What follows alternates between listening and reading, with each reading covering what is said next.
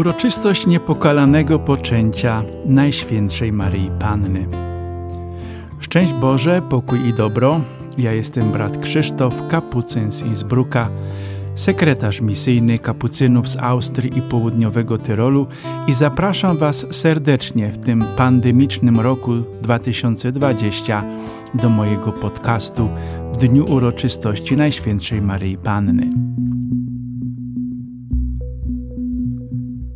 Scena z raju opisująca grzech pierworodny była dla wielu artystów od czasów chrześcijaństwa wielką inspiracją twórczą.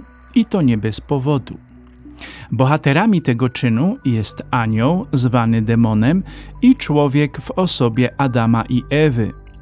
Zapamiętajmy to, bo to ważne przy porównaniu pierwszego czytania z Ewangelią. Wbrew powszechnemu ludowemu przekonaniu, Grzech Adama i Ewy nie był grzechem nieposłuszeństwa człowieka wobec Boga, lecz czymś o wiele gorszym.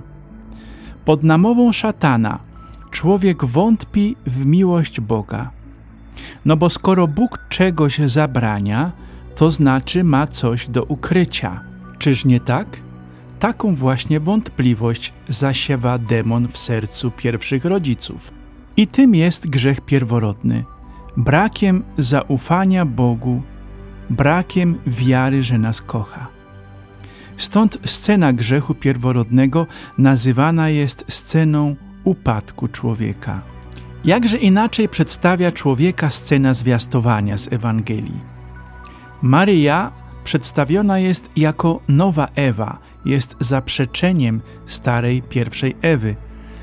Maryja naprawia grzech pierwszych rodziców przez nieograniczone zaufanie Bogu. Widzimy znowu anioła, tym razem archanioła Gabriela, tego, którego Bóg używa do zadań specjalnych, kiedy pragnie objawić się człowiekowi, i Maryję, która nie zważa na trudy i niebezpieczeństwa i odpowiada Bogu tak. Pierwsza Ewa, matka wszystkich, jest współautorką upadku i utraty szczęścia bycia z Bogiem w raju. Maryja, nowa Ewa, jest współautorką odkupienia ludzkości i powrotu człowieka do utraconego raju.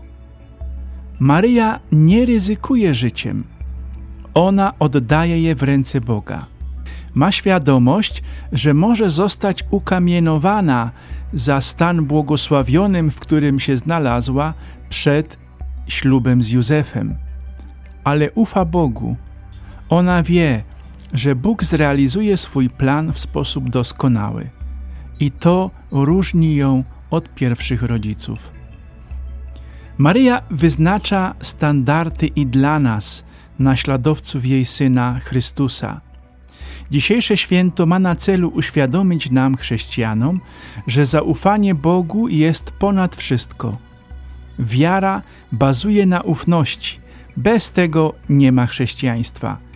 Nie byłoby wielu chorób i wielu wojen, gdyby chrześcijanie prawdziwie zaufali Bogu. Gdyby Bóg był jedyną gwarancją naszej pewności.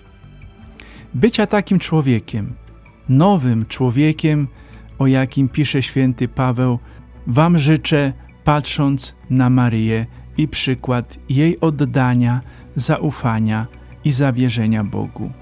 Amen. Pokój i dobro i szczęść Boże.